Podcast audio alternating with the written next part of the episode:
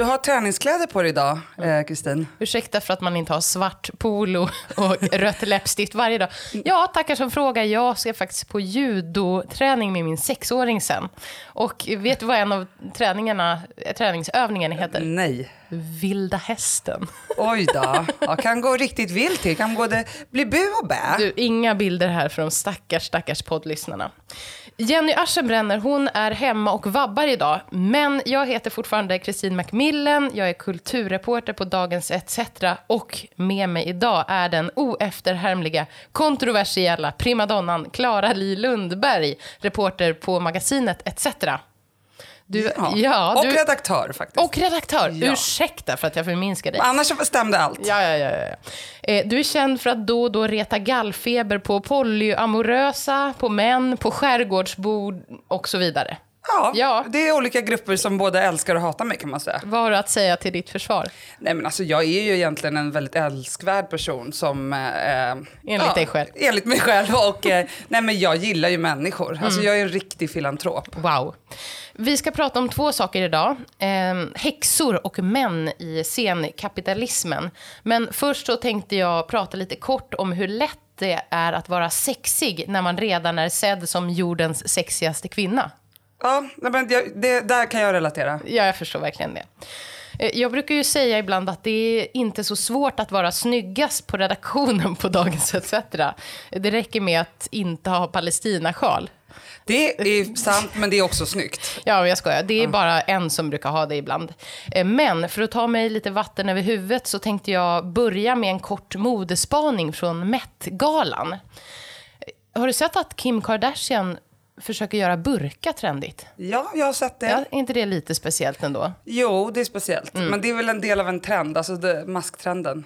Ja, kanske det. Ja. ja. så kan man se det förstås. På den här stora amerikanska modegalan Metropolitan Museum of Art i veckan så bad då Kim Kardashian en fullkomligt heltäckande slags burkadress från Balenciaga. Det var långt släp, det var svart tyg över hela ansiktet och det var såklart som upplagt för olika memes och kommentarer. Detta samtidigt som talibanerna intar Afghanistan och så vidare. Men får jag bara fråga, det, för jag tänker nu så här, det kan ju vara att hon hade äh, en dålig dag, det kan ha varit ett skönhetsingrepp som har gått fel och så vidare. Så det kan ju också vara så att det här var bara ett sätt för henne att slippa visa upp det som kanske inte var i toppform.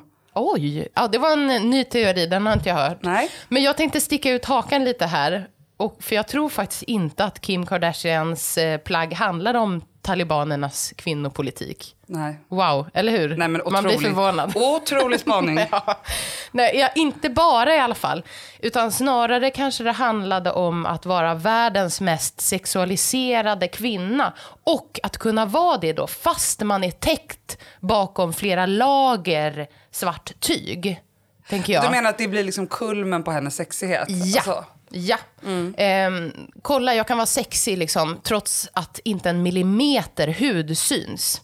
Det skulle också kunna handla om kändiskultur och det omöjliga i att få vara anonym om man har uppnått en sån total global nivå av igenkänning.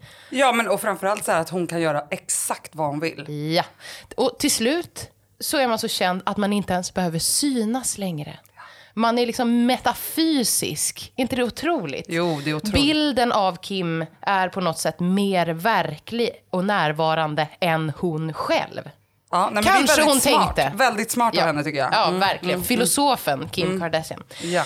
I alla fall, och det här fick mig att tänka på den här diskussionen om vem som kan ha vilka plagg utan att bli läst som förtryckt. Ja, eller stigmatiserad. Eller stigmatiserad, exakt. För några år sedan så var det en diskussion om det är ett medelklassprivilegium att kunna ha en trasig tygkasse som väska. Eh, för att det kan ju bara den som inte är ett dugg orolig för att bli tolkad som fattig ha, eller hur? Ja. Och det är ett handlingsutrymme som om, somliga av oss kan här, bara vältra oss i. Kolla på mig, jag är så rik så att jag inte ens behöver visa det. Eh, och eh, ja, så att om Kim någonsin kommer till en gala i Sverige så hoppas jag att hon tar tillfället i akt och dyker upp i en sån urtvättad gammal tygpåse från Way Out West. För det hon värd. Självklart, gumman. Häxor, eh, det är sådana som gör te på sina blodiga tamponger. Visste du det, Klara? Nej, jag känner inte en sån häxa, men, eh, men Många käll, andra. källa på det. Källa på det, Nej, men källa på det här är ett nummer av Veckorevyn som jag läste i mina tidiga tonår och som verkligen måste ha gjort ett starkt avtryck eftersom jag fortfarande kommer ihåg det. Det var en tjej, jag tror att hon hade hennafärgat hår, alltså vad skulle hon annat ha? Hon satt- Fördom, hashtag fördom. Ja, men det, var, det här var reportaget. Ja, och så satt hon ute i skogen någonstans och så berättade hon att hon bland annat då utövade häxeri genom att dricka te på sin egen blodiga tampong.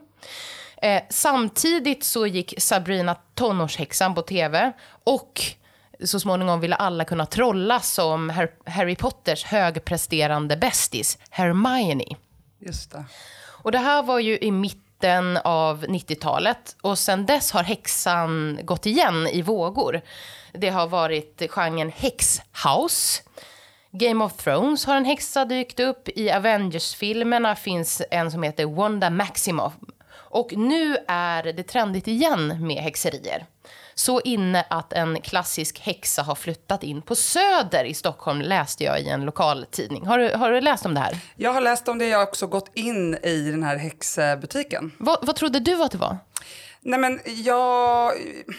Vad ska jag säga? Alltså, när jag bara cyklade förbi så tänkte jag att det var typ ja, någon slags new age häxpalats. Mm. Men sen så läste jag ju samma notis som du, eller reportage som du, och då förstod jag att det handlade... Det var liksom bara att man använder häxan som en slags... Eh, eh, för att det ska bli trendigt liksom, helt enkelt. Men det handlade om rengöringsprodukter. Exakt, det är det här rengöringsmärket, Häxan. Ja, Silverputs, s- Häxan. Bland, bland annat. De har startat då en flagship store, en fysisk butik på Götgatspucken. Och där försöker de göra det här putsmedlet hipp genom att också erbjuda tarotläsning och sånt där. Och då säger de så här i den här intervjun.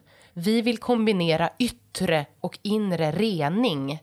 Vi vill skapa stans största retail-upplevelse. Vi lever verkligen i en tid. Och den tiden är sam- senkapitalismen, tänkte jag när jag läste det här. Åh. Också att det är lite fel. Alltså, jag förstår hur de tänker, men jag menar, en tarotläsning kan ju be, behöver ju inte nödvändigtvis betyda att man blir renad. Tvärtom, man kanske får otroligt obehagliga upplevelser eller, eller liksom, eh, vad ska man säga, framtidsutsagor som absolut inte är renande. Så där tror jag att det måste de tänka om lite. Snälla, hur kunde de inte ha en kritisk journalist som du? Ja, det undrar jag också. Ja, men det här med att häxeri är trendigt, det är ju inget nytt för dig som ständigt trendkänslig reporter. Du skrev väl redan för två år sedan om att intresset för häxor växer? Ja, det gjorde jag. Och eh, man kan väl säga att jag är lite av en häxkännare. Det Hur många häxor känner du då? det var tråkigt att du inte presenterade mig så i början, men, men det är jag. Nej, men jag känner en del häxor och eh, jag skulle väl säga att eh, mycket av den häxtrenden, så här, eller stora delar av den häxtrenden handlar om det som man brukar prata om, så här, upp, att uppvärdera det kvinnligt kodade, att uppvärdera eh, ja, men så här, kvinnligt... De, eh, yrken, eller vad man ska säga, traditioner som, som kvinnor har eh, jobbat inom. Eh, och lite liknande som hela den här beautyfeminismen, förutom att vi har ju en historia av att kvinnor som, som kallades häxor också blev ja, brända på bål.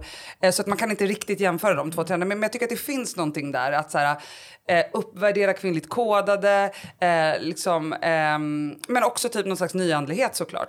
Kan man prata om häxfeminism, tycker Ja, du? Det, tycker, det tror jag absolut. Eller det, det är min upplevelse att man kan. Mm. Och jag tror också att det är ett väldigt så här, skönt kvinnligt separatistiskt rum. Ja. Eh, där man inte behöver hålla på med sitt utseende som den så kallade beautyfeminismen eh, förespråkar. Utan att man bara kan få gotta in sig och så här, göra det som tjejer älskar. Liksom. Lukta på örter man har plockat Ja, i och typ skogen. prata om känslor, relationer och så vidare. Så jag tänker att det är... Eh, men sen tror jag också att det som sagt bara handlar om eh, någon slags tomhet. Eller så här att, att framförallt Sverige som är så himla sekulariserat att det finns ett behov av att, att eh, närma sig någonting andligt. Och, ja. Just det, och pr- liksom att prata om relationer och omsorg och sådär. Det är också väldigt snygg estetik, tänker jag. Att det kan, kan vara en nyckel till varför det har blivit så populärt. Alltså vem vill inte ha en kvast eller en eh, spåkula eller något sånt där? Ja, om man gillar samma... Precis. Men jag skulle säga att, att det, den du pratar om det är såklart eh, den klassiska bilden av en häxa men jag skulle säga att den nya häst, eh, häxestetiken är lite mer Alltså typ lite mer lyxig skulle jag säga. Mm. Det är inte det där hemmafärg, det finns ju det finns ju även överklasstjejer med blonderat hår som är häxor eh, idag. Så jag skulle säga att eh, estetiken kommer kanske i andra hand i dagens häxrörelse. Eh, mm. mm. Men det finns ju vad jag har förstått väldigt många olika riktningar. Så här, Vicka till exempel. Mm. Du menar Wicca? Förlåt. Urs, förlåt w mig. O, o.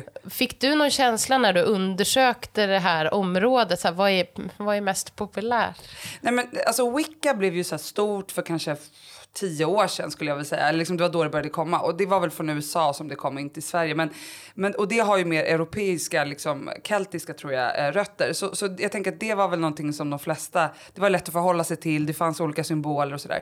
Men de häxor som jag känner blandar ganska mycket, också mycket så här, svensk gammal folktro eh, och liksom gammal naturmedicin från Sverige för 200 år sedan. Koka brygder, kanske inte på sin menstampong då som du läste om, men, men liksom att så här, återerövra gamla, gammal kunskap mm. helt enkelt om naturen och om kroppen och om livet. Mm. Typ. Spontant så känns det ju väldigt härligt, eller? Ja. Blir man inte sugen? Jo. Ja, man kan väl säga att jag är lite aspirerande häxa. Du är det? Jag, jag tassar runt där och ja. jag vill, jag, det, det, är väldigt härligt att vara i, det, i den, den känslan och den energin och, och liksom vara omringad av det. Ja. Så det, det tror jag absolut.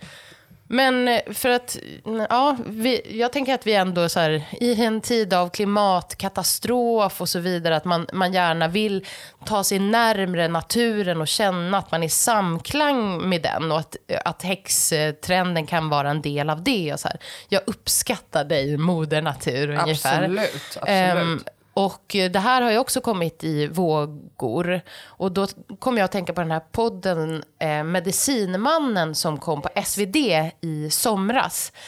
Om en långhårig man i fjäderskrud som dök upp i Ångermanland på, i början av 90-talet. När jag faktiskt var där, för vi hade sommarställe eh, i Ångermanland. Är det nu, nu du ska berätta om ditt möte med honom? Nej. Eh, ja, eh, jag, jag minns faktiskt inte så mycket. Men då är det en man som kommer och berättar att han är från ett nordamerikanskt ur, urfolk och ska liksom rädda planeten. Och då ansluter sig folk i bygden till det här och de, de, ger, honom, alltså de ger honom stora summor pengar. De flyttar ut från sina hem och in i de här mm, tälten och allt möjligt. Men sen börjar det så småningom visa sig att liksom, han är ju mer eller mindre en sektledare. Och det slutar med att till och med ett barn dör för att de är så undernärda där. Så det är liksom fruktansvärt hemskt. Men eh, varför jag kom att tänka på det var just för att anledningen var, varför så många ändå trodde på honom är ju på, på något sätt fint att så här, jag vill tro på att det finns något mer. Mm. Och jag öppnar mina sinnen inför att det kan finnas människor som kanske har andra vibbar ute, så att säga. För, och, och, kunskaper också eh, om, om naturen som jag inte har. Ja, men absolut, ja. det tror jag absolut. Det, det, det, det, finns ett, ett behov som behöver, eller det finns ett behov, men jag tror många människor känner det behovet. Och om det kommer en person med, med tillräckligt mycket karisma, mm. då, då kan man nästan sälja in vad som helst. Men nu ska vi inte låta den här otroliga häxfeminismen smutsas ner av den där äh, säckledarmannen. Han, man kan säga att han var en patriarkal liksom, äh, äh, symbol. Men, mm. men, men, äh, men, jag, men jag förstår vad du menar och jag tror verkligen att det ligger någonting i det. Också så här, äh, någon slags även dekolonial tanke, typ att, att återerövra gamla traditioner. Och där tänker jag också intressant att så här, det är klart att det finns personer i Sverige som håller på med shamanism och det skulle man ju kunna säga, ja men det är kulturell appropriering. Men jag upplever inte, det kanske säkert, det kan finnas en sån kritik, men jag upplever inte riktigt det, att det har funnits utan att man är så väldigt eh, tillåtande. Och det tror jag också gör att många, framförallt kvinnor, känner sig välkomna i sådana sammanhang. Därför mm. så här, Eh, det, det, är okej okay att gilla shamanism eller någon annat urfolk som inte kommer från Sverige. Eh, även om man är vit och svensk medelklass typ. Mm. Jag låg och tänkte på häxor igår kväll inför att vi skulle prata om det här. Och då ramlade jag in på ett forum som he hette Häxor i fokus. Och eh, började läsa igenom några trådar där. För jag tänkte så här, varför, varför söker sig folk till det här området? Och eh, då hittade jag allt ifrån folk som frågade så här, hallå, jag undrar om älvor finns på riktigt. och så här, någon som vill ha tips på riktigt häxigt julpynt. Åh, alltså gulligt, eller hur? Ja, nej men det är klart. Ja. Tomtar känns så igår. Häxor Ja, vill man ha. kristet, punkt. Ja, Ja. verkligen. Och någon som undrar, är trolldom tillåten i kriminalvården? Man bara, Men det... wow. Jo, men där vi har... Du vet vem jag menar? Jag vet vem du menar. Vem, vem bad om att hon skulle få ha sin trollstav? Ja, men var det Kristi brud? Ja. ja. Ja. Johanna, hon ville ha sin fucking trollstav. Och då kände jag så här, låt henne ha den. Är det religionsfrihet, eller Ja, blev det så? ja. Mm. Eh, men många verkar i alla fall eh, vilja ha hjälp med såna där saker som, som vanlig psykologi kanske inte riktigt når ända fram i. Så, hjälp! Jag, försöker, jag behöver en häxa som är kunnig och kan hjälpa mig angående svart magi, skriver någon. Och eh, då visar det sig att det är någon som vill lägga en förtrollning på en person till exempel. Eh, och en annan skrev spel mot bad boys. Otrolig. Ja, jag Otroligt. träffade en kille och tyvärr är han en bad boy. Men jag har fallit för honom och önskar att jag kunde få tips på spel som får honom att bli en bättre människa och få honom att sluta med sina affärer med kvinnor och bli en trogen älskare. Eh, ja. Ja, alltså det här är ju så här, det här är ju att vara människa också. Det är det det här handlar om. Det är så här, eh, det, eh, och, och jag tänker liksom eh, att, att ritualer, alltså vi håller ju alla på med såna här saker i olika skepnader. Så jag tänker så här, det här är ju det här är väl helt relevant. Ja, du har träffat en bad boy. Du vet inte vad du ska göra. Mm. Nej. Vem ska du fråga? Nej. Du kan fråga Kakan Hermansson, men du kan också fråga en häxa. Exakt, och någon kommer säga dumpa honom och, den, och i det andra, i häxeriet, så kanske ändå finns det erbjuder ett hopp. Alltså det är Absolut. också lockelsen. Nej, men jag är för. Ja, du- Alltså, jag är så pass för. Ja, men har du några häxiga upplevelser som du vill eh, ha varit med om? Eh, jo, men det har jag väl. Jag, eh, jag vet inte om det här riktigt kvalar in, men det skedde i Ytterhärna eh, i alla fall. Mm. Eh, eh, jag gick på eld. Jag gick på glödande kol. Det Oj. är ganska häxigt. Det är häxigt. Det är fett häxigt och det gjorde inte ont. Så det betyder väl att jag är eventuellt en häxa. Nej, men eh, jag, jag, jag, jag är ett stort fan av ritualer. Mm. Eh, och en del brukar säga att de känner av fullmånen. Det är ju en riktig häxgrej, det här Mm. med att följa månens cykler. Just det. Och det skulle jag säga att jag är ändå väldigt medveten om när det är fullmåne och så vidare. Så det är ju liksom kanske lite Sover häxa dåligt. light. Häxa light kan vi kalla Ja. det. Men den här affären på Söder då, den vill ju att putsmedel ska bli hippt nu. Och så rider de på vågen av häxighet. Betyder det att trenden är på väg att blåsa förbi, tror du? Jag tror att vi har kommit förbi peak häxa, ja det tror jag. Eh, alltså real Mm. häxor, de kommer ju fortsätta. Men den här, eh, den här liksom trenden och som också kapit- liksom har kapitaliserats och sådär, den tror jag den är på väg ut nu. Möjligtvis att den liksom pikar, pikade för typ ett år sedan, två år sedan och nu är den på väg ut. Vad kommer nu då? Vad, vad ska kapitalet nu åka snålskjuts på? Troll? Nej, det var Gräns-filmen Ja, den kanske. redan trollsex och så. Ja. nej, det är en bra fråga alltså. Ehm, det är möjligt att det blir, alltså killar har ju varit så här ortodoxa ateister länge. Mm. Så det är möjligt att det blir liksom en ny ateistisk våg som riktar sig mot kvinnor. Ja. Det är eventuellt nästa trend. Mm. Mm.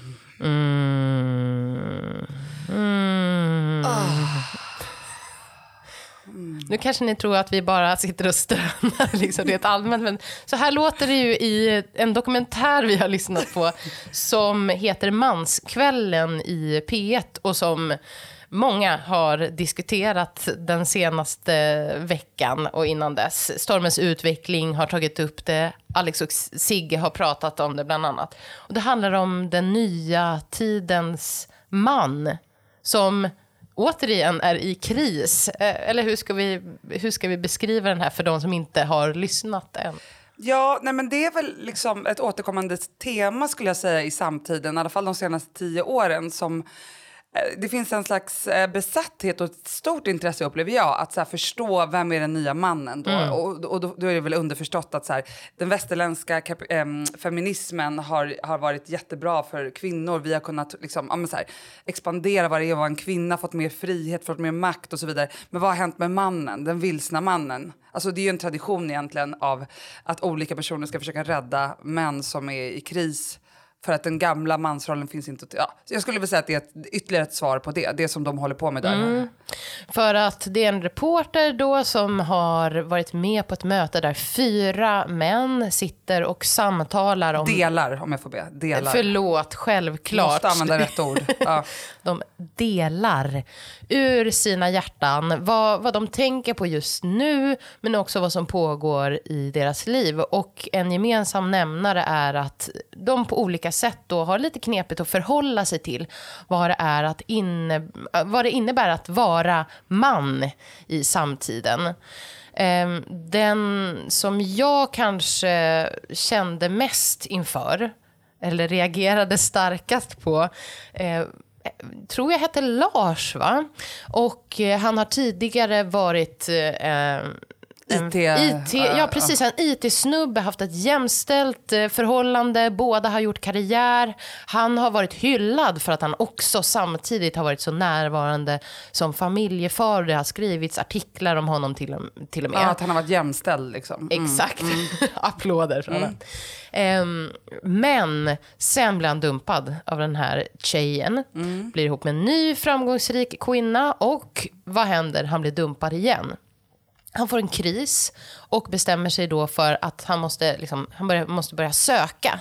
Hittar till olika tantrakurser och börjar leta sig inåt. Mm. Mm. Och där hittar han inte bara tillbaks till sin sexualitet, verkar det som, utan han hittar också en ny tjej som han hittar en jättebra dynamik med, tycker han. Mm. Och det är att hon ägnar sig bara åt hemmet och blommor och lagar god mat. Så hon jobbar inte? Nej. Hon jobbar inte, utan det är han som drar in pengarna och hon um, ja, står, för, står för hemmet helt enkelt. Mm. Va, va, vad kände du när du nej, hörde men, det här? Nej, men jag tycker det är superintressant, för dels så, så, så, är de här killarna, de är ju, det är ju lite hashtag Jordan B. Peterson, alltså så att de gillar honom. Och det i sin tur handlar ju om det hela den här trenden med eh, Jung, alltså Jung liksom, och eh, eh, motpoler, att vara varandras motpoler och liksom arketyper och så vidare.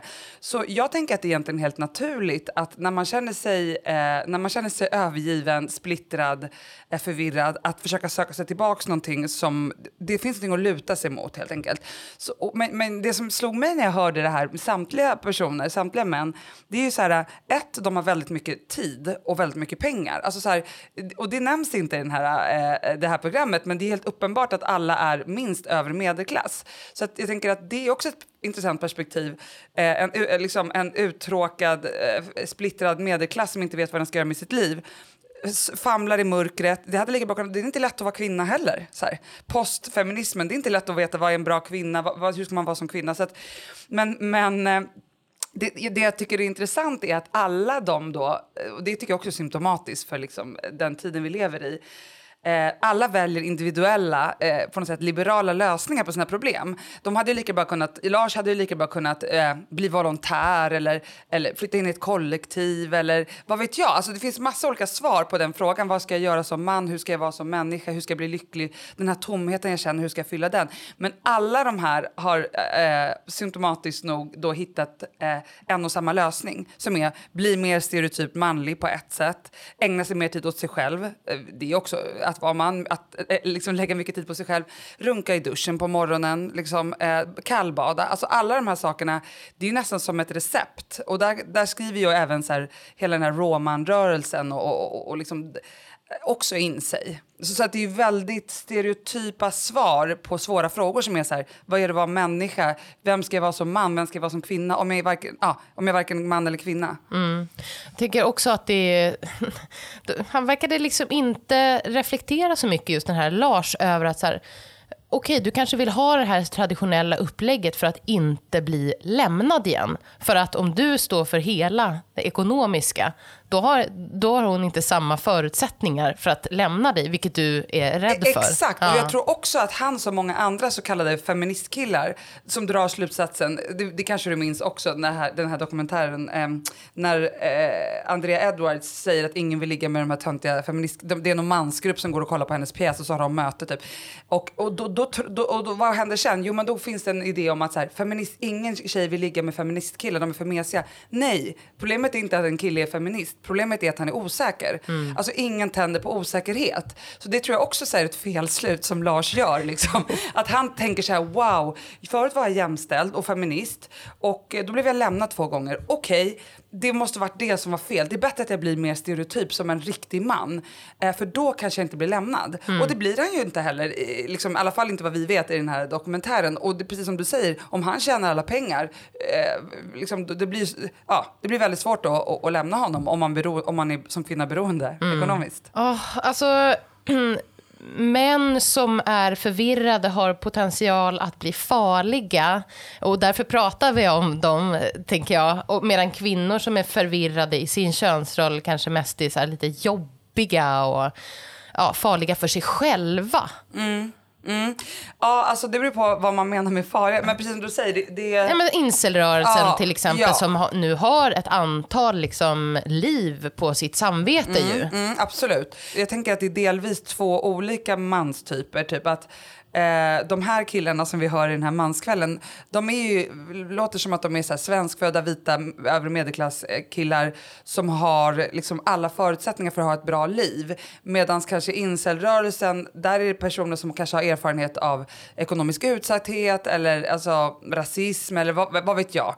Jag är ingen expert på incelrörelsen men, men jag tänker att utifrån ett klassperspektiv kan man som man också hitta olika, olika lösningar på sin förvirring eller på sin ilska eller på sin eh, ja, men så här, känsla av att, att inte få det man borde ha tillgång till. Typ. Så tänker jag. Alltså det är ju extremt lätt att göra sig lustig över de här eh, ja, fyra nej, alltså, männen. Ja, ja, och det är så här, oh, en ligger slak i sin kvinna en timma varje kväll med könen insmorda i kokosolja. Så här, det, ja, det är jätte, jättelätt att, att skratta åt.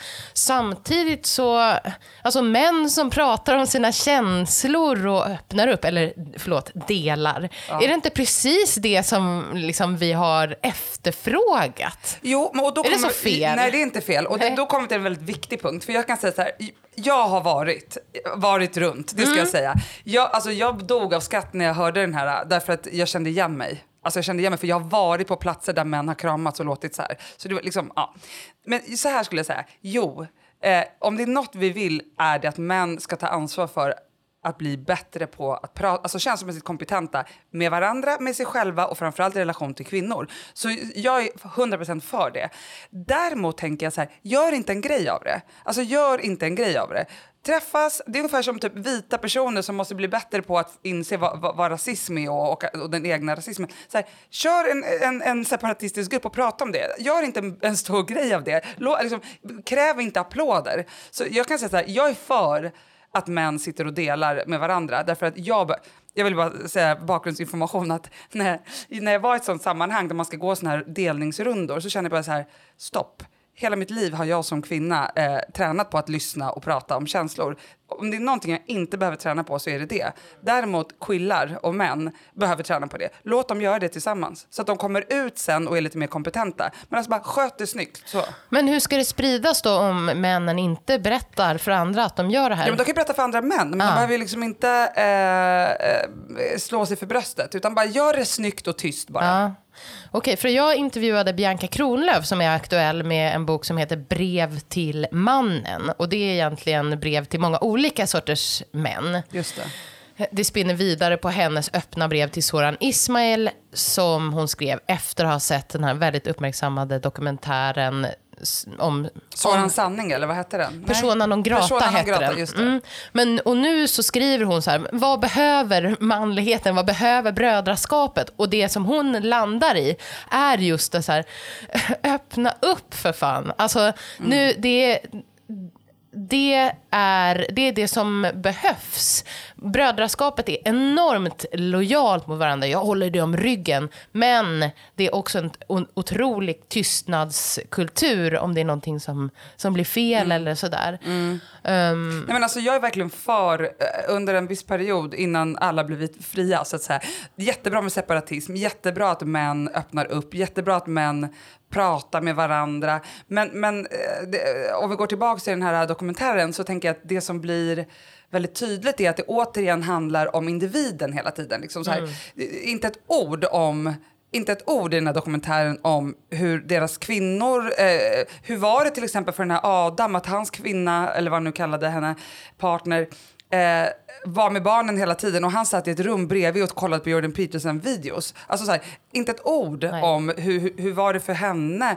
Eh, utan, så att, eh, absolut, låt, låt, låt män öppna, liksom, det, Jag väl, välkomnar verkligen det. Men, men det som män framför allt behöver träna på det är att känna in andras behov. Mm inte bara sina egna. Du är ju lite av en Eva Illouz-expert. Tack. ja, varsågod. Eh, och eh, hon har ju skrivit jättemycket om liksom, könsroller och så vidare, och psykologin i samtiden och så här, kring det. Ja. Vad, vad tror du att hon skulle säga om den här mansmiddagen? Nej, men jag tror att hon skulle bli eh, både berörd och liksom ha någon slags form av igenkänning. Hon är väldigt tydligt feministisk i sina... Alltså, och hon utgår ju... Jag ska inte säga att hon utgår från kvinnor, men, nej, men jag tror att hon skulle säga så här, ja men det här är... Apropå det, det jag sa om eh, liksom, att det är symptomatiskt att de hittar de här individuella lösningarna. Att så här, eh, på ett sätt så försöker de eh, bryta mot eh, gamla normer genom att så här, vara mjuka, kramas och så vidare. Men om man tänker på hur, hur den där dokumentären slutar så är det som att de flesta har ändå valt att bli mer stereotypa män. Eh, och då kommer vi tillbaka till ett av hennes så här, huvud vad ska man säga, ja, men någonting som hon återkommer till i alla sina böcker som handlar om ontologisk osäkerhet. Det vill säga, vad händer med människor när tidigare regler och eh, lagar, inom citationstecken, och eh, alltså, men traditioner helt enkelt, hur vi är med varandra, när de uppluckras. Mm. Att människor upplever en ontologisk osäkerhet. Och det är så outhärdligt. Och därför så blir ofta svaret eh, gå tillbaks till det gamla. Liksom. Mm. Så att, eh, jag, jag, tror att hon skulle se det här som en, en, en skärva av samtiden eh, som på något sätt eh, personifieras av de här männen. Går det på något sätt att hitta någon koppling mellan häxorna och eh, mansklubben? Finns det något, finns det något samband? Vi ska knyta ihop det här på ett riktigt snyggt sätt. Jo, men det tänker jag. Alltså, jag, jag tänker att det är svårt att vara människa oavsett vilket kön man har och att man försöker famla i mörkret efter mening och mål. Mm. Och att så här, utifrån våra könsroller och så här, såklart traditioner så väljer vi lite olika eh, sätt att göra det på. Men alltså, det är lika svårt att navigera som kvinna i scenkapitalismen som det är att eh, navigera som man eller trans eller vad det nu ens är. Så jag tänker att det här är egentligen på ett sätt väldigt likt. Alltså, om vi tänker, häxor skulle inte hålla på och, och fjanta sig och, och stöna varje gång de kramade varandra. Det, det behöver man inte göra. Men... Eh, mm, mm, men ja, eh, det är du som känner häxor. Jag vet inte hur de nej, låter när de kramar nej, dig. Det, det, skulle, det skulle jag inte säga att det, det förekommer. Eh, men, men jag skulle nog säga att häxklubben och mansklubben eh, på ett sätt ändå eh, söker efter samma svar. Tack snälla Klara Li Lundberg för att du var med mig idag. Och K-ordet, som podden heter, den kommer nästa vecka igen. Tack.